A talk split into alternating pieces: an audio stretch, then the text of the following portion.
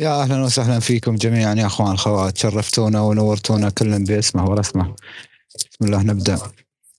تتجلى أضواء المساء الطيب وتزيد جمالا برفقتكم في عوالم الفلسفة. قنديلا يضيء عتمة البحر بالأسئلة. يزداد وهجة بعقول مزدانة.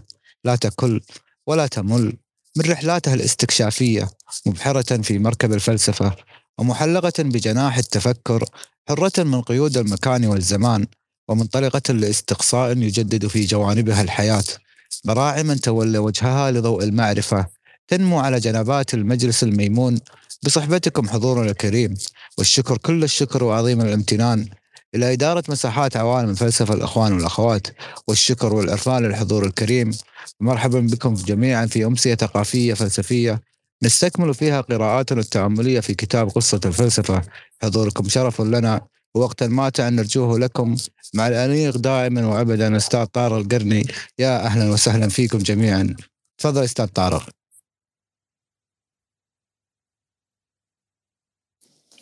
أهلا بالجميع. آه اليوم درسنا سيكون عن أرسطو.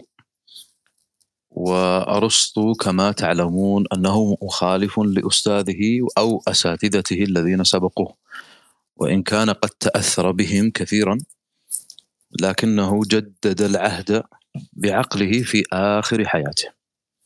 أقول جدد العقل في آخر حياته لأنه كان في بداياته نستطيع القول أنه كان تابعا لأفكار أستاذه أفلاطون. لكن بداية فأرسطو قد ولد عام 384 قبل الميلاد. وولد في إستاغيرا.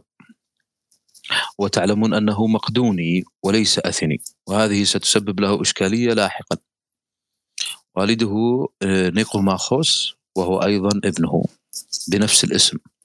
والده كان طبيب لملك مقدونيا. وعندما بلغ السابع عشرة من عمره ذهبا إلى أثينا. وهناك بدأ الالتحاق بأستاذه آه، أفلاطون عام 368 وبقي مع أستاذه 20 سنة.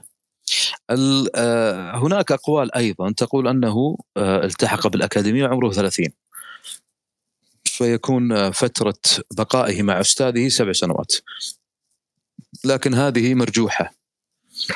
يعني لا يسلم بهذه الفكرة لأن بقاءه مع أستاذه من الواضح جدا أن كانت عنده آه، يعني طول آه، باع في آه، في تلمذته عند أستاذه. طبعا في بداياته كما قلنا كان متأثرا جدا بأفلاطون. وأيضا تجدون في تاريخ الفلسفة عند الحديث عن أرسطو أنه كان بينه وبين أستاذه في آخر حياة أستاذه آه، إشكالات كبيرة. ووصلت إلى الهجاء بينهما. لكن هذه أيضا آه، لم تثبت. هي أقوال لكنها يصعب جدا إثباتها. ال- الذي كان بينهما هو خلاف معرفي. يعني بشكل عام نستطيع أن نقول أنه خلاف ما بين المثالي والواقعي. أفلاطون مثالي وأرسطو واقعي. هذه هذا الاختلاف هو اختلاف في الحقيقة معرفي وليس شخصي. وتعلمون أن أفلاطون كان يسمي أرسطو من شدة إعجابه بأرسطو كان يسميه العقل. لأنه كان ذكيا جدا وكان متميزا على كل أقرانه. وكان أيضا يسميه القراء. إنه كان أيضا صاحب أكبر مكتبة في وقته. وكان عنده إسراف شديد جدا في شراء الكتب وقراءتها. فكان مشهورا بهذا. وكان أستاذه آه، يحبه جدا ويجله إلى أبعد درجة. لكن أرسطو بعد وفاة أفلاطون ما كان يحب أن يبقى في في الأكاديمية فاتجه بعد ذلك إلى تأسيس مدرسته التي سميت بعد ذلك. طبعا هي اسمها اللوغون لكن آه، سميت بالمدرسة المشائية. المدرسة المشائية سميت بذلك نسبة إلى أن أرسطو كان يلقي دروسه ماشيا وهو يمشي بين طلابه. وقيل أنها سميت بذلك لأن هو وطلابه كانوا يتلقون الدروس وهم يمشون في ممشى مغطى.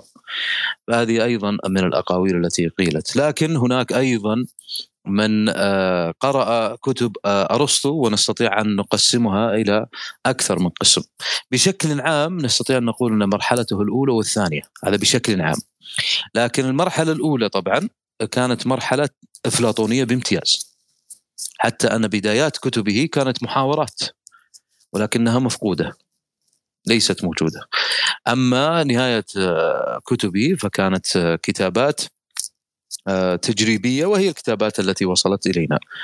آه، بعد ذلك طبعا دخلت بعض المداخل على كتبه وسنتعرف عليها بعد قليل. لكن بشكل عام أرسطو كان كما قلنا أنه افلاطونيا وكان متعلقا جدا باستاذه. وكان أيضا قريبا جدا منه وتأثر به أيما تأثر. ولكن كان يعني مقولته الشهيرة أحب أفلاطون وأحب الحق وأؤثر الحق على أفلاطون.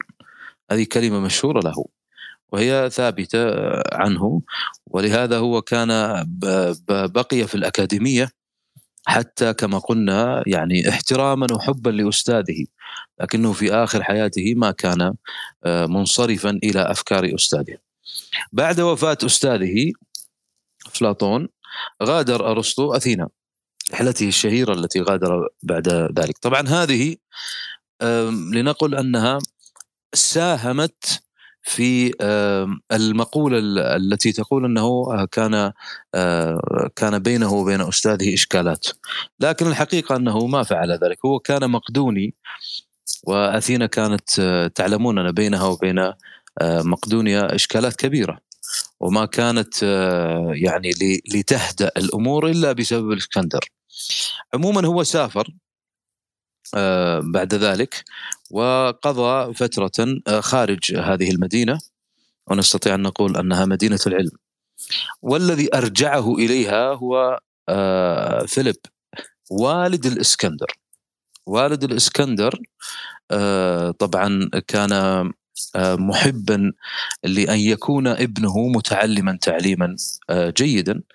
فكان الإسكندر وهو الملك الشهير الذي جال الأرض كان عمره 13 عاما وكان أستاذه المقرب له آه، هو أفلاط هو أرسطو. هذه فكرة مهمة جدا وهي ارتباطه بأستاذه. الإسكندر كان كما نعلم قائد وفاتح لبلدان الأرض شرقها تحديدا. كان يع... كان من يغذيه فكريا بهذه الغزوات هو أرسطو. ولهذا يعني هذه تأملوها. مسألة أن الفلاسفة لا علاقة لهم بالانتشار العسكري في الأرض هذه غير غير صحيحة تاريخيا. الفلاسفة يغذون هؤلاء الفاتحين عبر التاريخ يغذونهم بالفكرة نفسها. الإسكندر كان محبا جدا لأستاذه لأنه كان يعتبره والده وكان يخصص له مجموعة كبيرة من لنقل الموظفين أو المساعدين فكان يبعث له من كل بلد يزوره ما يساعده في أبحاثه. كان أرسطو في ذلك الوقت آه، باحثا بدون شك وما كان ابدا يعني يجارى وكان عنده مجموعة من الطلاب أو المساعدين وصلوا إلى ألف ألف مساعد أو ألف طالب باحث وليسوا عمال. العمال أمر آخر. طبعا آه، هذا هذا الأمر ساعد أرسطو كثيرا في الوصول إلى ما وصل إليه من هذه المصنفات الدقيقة جدا. دقيقة بوقته طبعا ليست بوقتنا. لأن الإمكانيات ما كانت تساعده كما هو الحال الآن. فكان في ذلك الوقت أرسط... آه الاسكندر يبعث له من الحيوانات والنباتات وكل ما يراه في البلدان ويبعث له آه مجموعة حتى تصله إلى أن آه، أنشأ في ذلك الوقت معمله معمله الكبير الذي يعتبر أول معمل آه، تاريخي حسب ما وصلنا نحن. يعني لم يصل آه، إلينا تأكيدا أن ثمة معمل قبله. فكان هو معمل كبير جدا وأيضا هو الذي ساعده في كثير من الأبحاث حتى أبحاثه الشهيرة في النيل والتي ستأتينا إذا آه، إذا ازدلفنا إلى كتبه. فكانت هذه أيضا بمبالغ كبيرة جدا. طبعا آه، لعلكم ترون أن أيضا أن ويل دورانت يقول كما يقول المؤرخين الانجلو ساكسونيين تحديدا أن هذه تدل على الحضارة أو لنقل الرابط القوي ما بين السياسة والعلم. أنهم يأخذونها كفكرة أن هذه تدل على الرابطه القديمة ما بين السياسة والعلم في العالم الغربي أو الأوروبي إن شئتم. فيقولون إن هذا دليل أن العالم الغربي آه، من القديم وهو يساعد العلماء السياسة طبعا تساعد العلماء وتعطيهم أموال ضخمة جدا.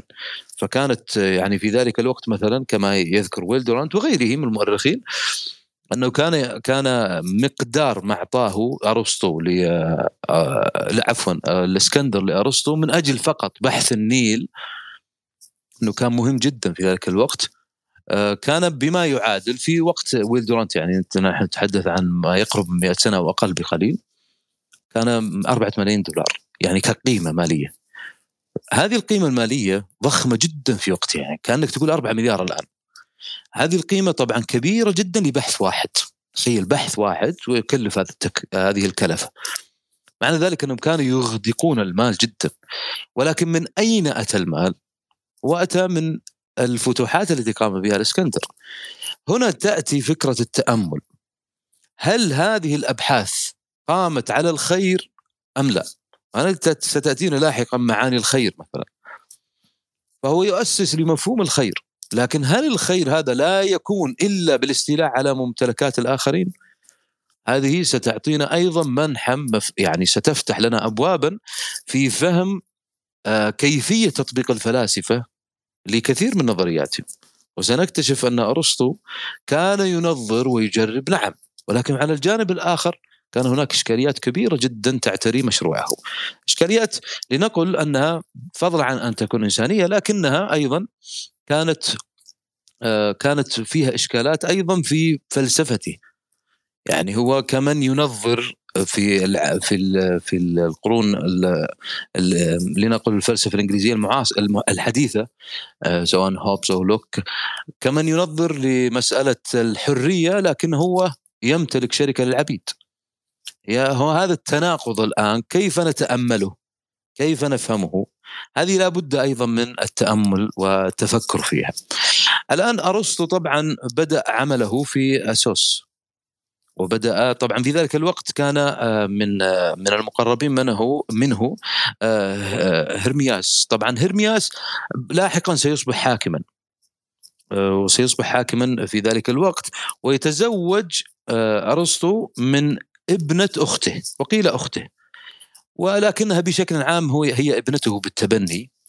يعني هي في مقام ابنته. هذا طبعا سيساعده أكثر في أن يصل. إلى مو يعني يصل إلى سدة أو سدة الحكم أو سدة السياسي لنقل هذه قبل التحاقه بفيليب وابنه أيضا آه، يعني آه، الإسكندر. طبعا هذه هذه طبعا كلها ستشكل تغيرات كبيرة جدا في حياة أرسطو. وستجعل أرسطو أيضا ينعتق شيئا كثيرا من آه، من أفلاطون. كان من الواضح جدا أنه يريد أن ينعتق منه. طبعا لما عند قراءة ما كتبه أرسطو ستجدون أنه لا أبالغ لا أبالغ. إذا قلت أنه في كل فقرة من فقرات كتبه يرد على أفلاطون. ولكن في في يعني في كمشروع يعني كأنه يوظف مشروعه للرد على مشروع أفلاطون. مفروض مشروع افلاطون طبعا بدون شك إنه كان مهيمنا على الساحة الفكرية وما زال إلى الآن مؤثر كما قلنا. فكان هو يريد أن يؤسس مشروع آخر. هذا المشروع لا يمكن أن يتم إلا بالهدم والبناء. وهذه أيضا يعني آه، جيدة أن تتأملوها. هل تستطيع أن تبني دون أن تهدم ما لدى غيرك ثم تبني أنت؟ يبدو تاريخيا أن هذا مستحيل. يبدو تاريخيا أن هذا مستحيل. يعني مستحيل أن تبني ويكون بناؤك هذا منطقيا وواقعيا ويعني تجريبيا لنقل. وله أيضا أتباع وفي نفس الوقت سيكون هناك مشروع آخر ما زال حيا. وهذا ما فعله أيضا افلاطون عندما هدم المشروع السفسطائي وأقام مشروعه هو. وهذا على تتابع تاريخ الفلسفة. وإن شئتم بقية العلوم لكن ما دمنا في عالم الفلسفة. فلا بد أن تهدم وتبني. لا بد أن تهدم وتبني. يبدو أن هذه قاعدة. نستطيع أن نقول أنها قاعدة تاريخية في الفلسفة. لكنها تحتاج إلى تأمل أكثر وإن كانت إلى الصحة أقرب. هذه الفكرة الآن طبعا ستؤسس كما قلنا كثير من الأفكار التي دعت أرسطو في آخر الأمر إلى أن يؤسس مدرسته الجديدة. وهذه طبعا آه، المدرسة آه، كانت كما قلنا تسمى بالمشائية. وهي طبعا آه، المدرسة تاريخيا كانت تعنى بفنون كثيرة. التربية والفنون بجميع أحوالها وأيضا بالمنطق يعني نستطيع أن نقول إنها كانت جامعة. بلغة معاصرة نستطيع أن نقول إنها كانت جامعة. فكانت تخرج مفكرين وباحثين. لا تخرج فقط طلاب هكذا كما كانت في السابق. بعد وفاة الإسكندر يعني آه، في ذا في طبعا وتوفي الإسكندر 23 يعني قبل وفاة أرسطو بعام. آه، أصبح أرسطو في ذلك الوقت وهو المقدوني الذي في أثينا لكنه كان نجم أثينا في ذلك الوقت. طبعا أصبح عنده إشكال كبير جدا. وسنأخذ آه، قصة وفاته لأن وفاته كانت يعني مريرة جدا يعني. يعني ليست ليست بالقصة الطبيعية. لا هي كانت وفاة جدا يعني. وكان حتى هو عنده علل مرضية. آه، ساهمت أيضا في آه، في تعبه في آخر حياته. لكن فقده للاسكندر أرجع أهل أثينا لما كانوا عليه في عداوتهم لمقدونيا. فكانت هذه من الإشكالات الكبيرة جدا وهذه أيضا تحتاج إلى تأمل.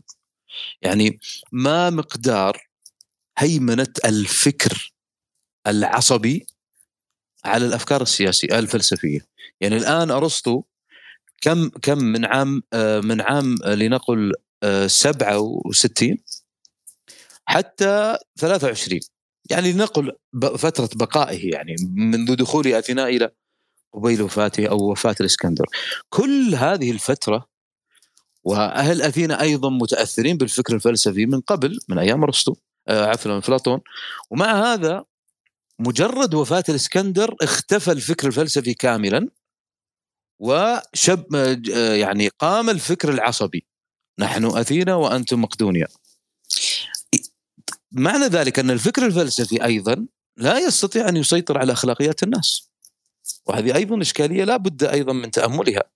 وهذه ستأتينا عندما نتحدث عن الأخلاق إن قدر لنا. يعني هو عموما سيكون لنا مدارسات مطولة جدا في كتب أرسطو لكن أتحدث في هذه الفترة التي سنتحدث فيها عن المام السريع فقط يعني.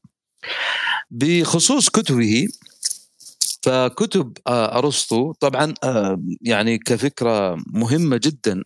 أرسطو آه، كان يرى أمر مهم جدا. هذه حتى لا تغيب عني. كان يرى في موضوع السعادة يعني كان مهتما جدا بالسعادة. حتى أنه وظف مفهوم السياسة كاملا. عنده طبعا كتاب اسمه السياسة ومن أبرز كتبه وأواخرها. وقدمه قدم السياسة يعني هو تحدث عن السياسة بعد أن تحدث عن الأخلاق فحديثه عن السياسة يقتضي أن لا تدخل إلى الفكر السياسي إلا وعندك هذه الأخلاق لابد لا تدخل الفكر السياسي إلا وعندك هذه الأخلاق، لكن ما معنى السعادة عنده؟ آه، عفوا السياسة عنده. السياسة عنده هي إسعاد المواطنين. طبعا كان عنده عصبية كبيرة في مسألة المواطنة. وسنتطرق لها ونحن نتحدث عن ارسطو. لكن الفكرة هنا التي حتى هو نفسه كان يقول انها نقطة لا أحد يجادل فيها، لاحظ هنا بت في الموضوع يعني ليست حتى لغة هنا لغة علمية وليست لغة فلسفية. قال أن المزايا اللي يتمتع بها الإنسان هذه مهمة جدا في تأطير فكرة أو فكر أرسطو. قال أن المزايا التي يتمتع بها الإنسان تنقسم إلى ثلاث أصناف. هذه مزايا التي يتمتع بها الإنسان. اولا خيرات خارجية. خارجية عنه يعني. والثانية هي خيرات الجسم. خيرات خارجية يعني البيئة نقول. كل المدخلات. وخيرات الجسم وخيرات النفس. لاحظ هنا التفريق ما بين البيئة والجسم والنفس. هذه يجب أيضا أن تقف عندنا هذه التمايزات بين الثلاث ليست عبثا عند أرسطو. قال أن هذه الآن السعادة تنحصر في اجتماع هذه الثلاث. هذه الثلاث مهمة جدا للسعادة. لا يمكن أن تتشكل السعادة إلا باجتماع هذه الثلاث. تفرق التفرقة بين هذه الثلاث لا تشكل السعادة. طبعا هذا مفهوم أساسي في فلسفة أرسطو. ونستطيع أن نقول أنه كان مشروعه الأكبر هو السعادة. ولهذا هو يرى أن السياسة هي السعادة. هذا الاجتماع هذا الاجتماع بين هذه الثلاث هو الذي سيؤدي إلى السعادة. فالإنسان إذا مال إلى الاعتقاد بالسعادة مثلا إذا نقص مثلا عنده مفهوم الشجاعة أو العدالة أو الحكمة هذا سيؤدي به كما يقول إلى الاضطراب لأن ذبابة طارت امامه يعني فقط يعني لاحظ هذا ما نسميه الآن هشاشة نفسية. يعني من لا تجتمع فيه هذه الثلاث يصبح مضطربا مضطربا إلى درجة أن ذبابة تطير أمامه تجعله مضطربا. والذي يستسلم لشهوات الظمأ والجوع وهذا الشخص نفسه لاحظ هذه الاضطرابات الآن. يعني الآن الإنسان اللي ما تجتمع فيها الثلاث يصل إلى مرحلة إنه ذبابة تجعله يضطرب. الظمأ البسيط يجعله يضطرب. الجوع يجعله يضطرب. بل يصل الحال به إلى أن يخون أعز أصدقائه كما يقول في سدس درهم. يعني أمر بخيس جدا. ومع هذا يخونه. وهنا تأتي إلى مفهوم الصداقة. قلنا في حلقة الصداقة التي أطلنا الحديث فيها أن الصداقة كانت في عهدهم في الإغريق كانت مبحثها كمبحث الوجود. من أهميتها كانت كالوجود. لكن من بعد الفلسفة الحديثة ديكارت حتى يومنا أصبحت مهملة. وأطلنا النظر في هذا. فلاحظ أنه هو عندما يقول الصديق هنا فهو يتحدث عن ركن أساس لتكوين الصداقة. لن تكون سعيدا إلا إذا كان لديك صديق هو اشبه بالروح عندك. وبهذه الحالة يصبح الإنسان الذي فعل هذه الأفعال بسبب اضطرابه واضطرابه بسبب عدم اكتمال هذه الثلاث عنده أصبح منحطا إلى درجة أن ان ابلها. لا يمكن أن يوثق به كما لا يمكن أن يوثق بالصبي أو المجنون. لاحظ هذه الفكرة أساس عند أرسطو. هي ليست هكذا ترفا لا هي أساس عنده. ولهذا تجدون أن أن دائما دائما ما يحث آه، في كتبه على تثقيف العقل. لاحظ هذه كلمة جدا مهمة في آه، فيما كتبه أرسطو تثقيف العقل. هنا تأتي الضرورة أن تكون التربية هي واحدة عند جميع البيئة التي تعيش فيها. يعني هنا تأتي فكرة أن اختلاف التربية في المجتمع الذي تعيشه يعني كل أحد يربي بطريقة هذا سيؤدي إلى اضطراب اجتماعي. طبعا أنا هنا أبث أفكار على شكل رؤوس أقلام لأن سنأخذها بالتفصيل لاحقا لكن من أجل أن تتأملوها. كيف يتكون مجتمع طرق التربية فيه الأساسية مختلفة لا يمكن. هنا سيحدث خلل كبير جدا في المجتمع. فلا بد من تأطير المجتمع وفق رؤية تربوية واحدة بهذه الحالة سيصبح المجتمع قادرا على سبك نفسيته والوصول بعد ذلك إلى السعادة. فهنا تأتي تسييس تسييس الواقع. تسييس الواقع بهذه الطريقة. وهنا طبعا سنصل إلى مفهوم الفضيلة وهو مفهوم مهم جدا عند أرسطو. ولهذا تجدون أن أرسطو أيضا كان دائما عند حديثه عن مثلا أخلاق الأفراد وعاداتهم. كان دائما يقول أن أخلاق الأفراد وعادات الأفراد في كل مدينة هي الكفيلة بقوام الدولة. هي التي تقيم الدولة. يعني كأني أقول لك ما أخلاق المجتمع الفلاني ثم عليها سأقول لك ما هي ما هو مستقبل هذه آه، الدولة أو هذا المجتمع. وعلى الأخلاق ستأتي. طبعا هذه استفيد منها لاحقا أيضا تأملوها في كثير من المدارس التاريخية السياسية تحديدا. بسمارك في ألمانيا وطبعا هذه استفاد منها كما تعلمون هتلر وأيضا آه، في العهد سواء القيصري أو حتى بعد ذلك اللينيني والستاليني. وكذلك في أمريكا وتحديدا حتى سواء اليساريين حتى المحافظين عند آه، عندما أخذوا بفلسفة شتراوس الذي كان طبعا يمتح من مفهوم السياسة عنده يعني نستطيع أن نقول أن الدولة العميقة في أمريكا حاليا هي تمتح من هذه الفكرة. وهذا ما اكده مايكل ساندر أستاذ الفلسفة السياسية في جامعة هارفرد حاليا. هذه الفكرة الآن حتى تعلموا أنها لم تمت بل هي حاضرة الآن. وهي التي تؤسس واقعنا لعلكم تذكرون في الحلقة أظن الأولى في الدروس قلت تأملوا هذه المفاهيم وطبقوها على موضوع روسيا وأوكرانيا. ستجدون أن الموضوع أوسع بكثير مما تشاهدونه في قنوات الأخبار. يعني حقيقة ستجدون هذا الإرث الذي نتحدث عنه أفلاطون ورسل ستجدونه يعني قائما أمامكم. قد يرى البعض أن هذه مبالغة، لا ليست مبالغة. عندما يكون عندك تأصيل ستفهم هذه الأحداث الآنية. وقد يقدر لنا يعني أن نفتح مساحة هكذا يعني جانبية خارج الدروس ونتحدث عن هذه بالتفصيل. لكن هذه كلها لها ارتباط مباشر بالواقع الذي نعيش فيه الآن لاحظوا ارتباط مباشر بالواقع الذي نعيش فيه الآن هي ليست خلوا من ذلك التاريخ لا هذه الأمم تعيش على أمرين التعمق الشديد جدا في اللغة والتعمق الشديد جدا في النفس. من استطاع أن يسيطر على اللغة والنفس استطاع أن يسيطر على اللوغوس هذا المعنى هو المعنى الذي أسسه أيضا أرسطو لنقول أطال النظر فيه. اللوغوس أفضل ما يمكن أن يعرف به هو علاقة اللغة بالنفس. وهذا ما تدرسه الآن التداول الإدراكية. فإذا عرفت اللغة والنفس استطعت أن تسيطر على الفرد واستطعت بعد ذلك أيضا أن تسيطر على مجموع الأفراد. هذه الفكرة أساسها من أبحاث أرسطو. عندما تقرؤون لأرسطو ستجدون كثيرا من افكاره تعيش بيننا الآن. حتى لا أطيل مؤلفات أرسطو نستطيع أن نقسمها إلى فترات. الفترة الأولى هي التي كانت متصلة بأستاذه أفلاطون. كما قلت أن هذه تقريبا مفقودة حتى أنها كانت على شكل محاورات. والثانية هي التي كانت في أسوس التي قلنا أنه تزوج آه، زوجته هناك. والثالثة هي في فترة آه، اللوغون مدرسته المشائية التي أسسها بعد ذلك.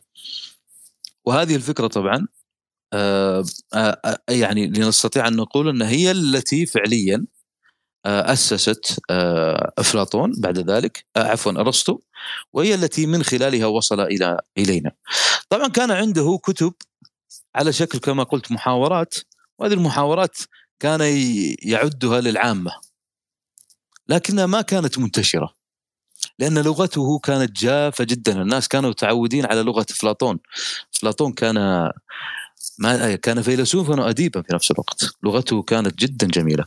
أرسطو ما كان كذلك حتى أنه كان يشدد جدا على عدم استخدام الاستعارات والمجازات ويمنع هذا تماما مع أنه هو الذي اسسها في الخطابة ولكنه كان يمنع هذا تماما. يعني كان هذا يقول هذا خداع للعقل. الاستعارة هنا تكون خادعة للعقل. لكن هذه طبعا سيتم تجاوزها لاحقا. عنده كتب أيضا منطقية. الاورجانون طبعا هو الذي أسس هذه الفكرة أصلا. وهنا تأتي المنطق وهو طبعا مادة مهمة جدا ومن خلالها يستطيع طبعا الإنسان آه، أن يصل إلى آه، لنقل إلى أفكار واسعة جدا. يعني المنطق مهم جدا وسأحاول يعني في هذه الدروس أن أعطي بين فترة وفترة آه، يعني لنقل قاعدة منطقية وسنأتي في آخر الكتاب ويعني سيكون لدينا مثلا يعني مجموعة ليست بالقليلة من القواعد المنطقية حتى تتأملوها حتى نأخذ المنطق شيئا فشيئا حتى لا تكون يعني كثيرة أو مغرقة. لكن لأن موضوع المنطق يعني أنا أقول أنه مهم جدا وليس بالأمر الترفي. لا أنت ما دمت دخلت عالم الفلسفة فلا بد أن تدخل أيضا إلى عالم المنطق. والمنطق هو من الأساسيات الكبرى لفهم أيضا لفهم الفلسفة. يعني استطيع أن أعرف المنطق بالتعريف هو تعريفه كثيرة جدا. لكن يمكن أن نقول أن المنطق هو جملة من الآليات الصناعية التي تفيد الترتيب والتركيز والتنظير. هذا تعريف المنطق. وهو تعريف أيضا ارسطي هو جملة من الآليات الصناعية التي تفيد الترتيب والتركيز والتنظير. لاحظوا صناعية. نحن نصنعها من أجل ماذا؟ من أجل أن نحافظ على هذا السبك بشكل عام. هذه الفكرة طبعا أسسها أيضا أرسطو.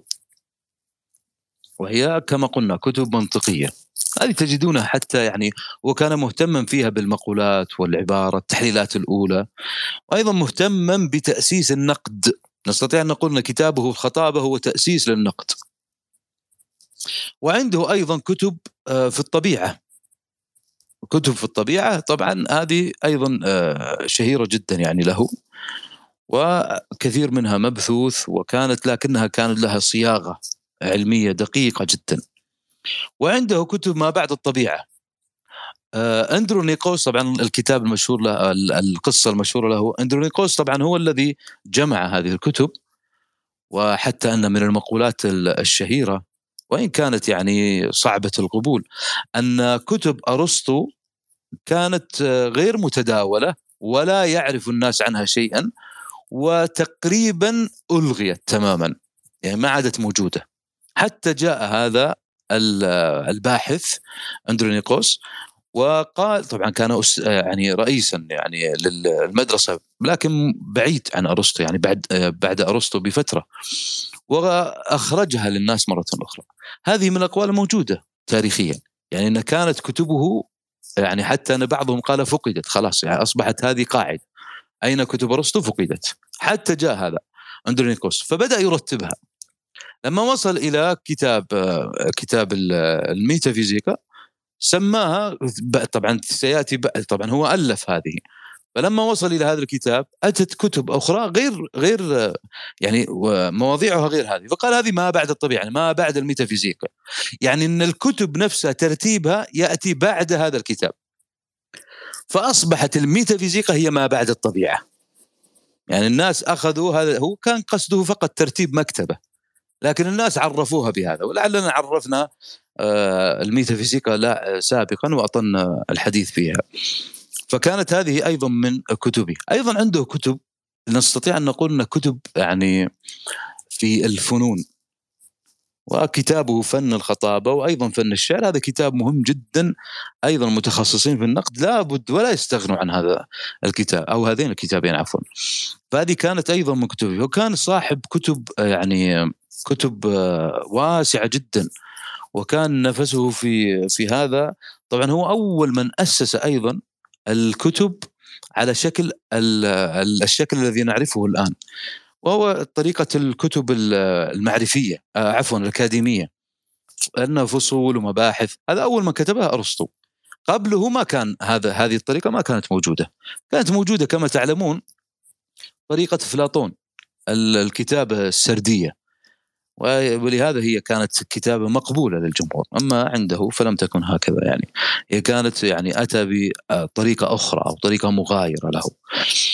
وعموما الحديث يطول جدا عن مدخل الوصول لأرسطو لكن لعل هذه مدخل قبل أن نزدلف في حلقات أخرى عن الحديث عن كتبه بشكل أدق وأوسع في المنطق والأخلاق والسياسة والخطابة والشعر وغيرها.